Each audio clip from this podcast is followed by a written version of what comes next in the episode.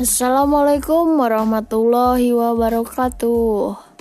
Selamat pagi, kembali lagi dengan saya Maulida Sukma Purnama.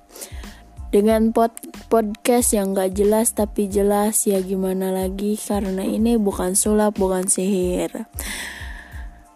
Uh, kali ini saya akan membahas tentang cintai diri sendiri.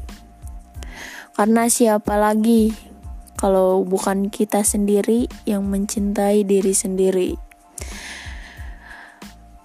Uh, janganlah berputus asa jika kamu belum berusaha atau masih bisa berusaha untuk ke depannya kakak. Tetaplah semangat menjalani hidup ini, karena hidup ini cuma sekali, tidak bisa terulang kembali apalagi ke masa lalu yang sudah menanti.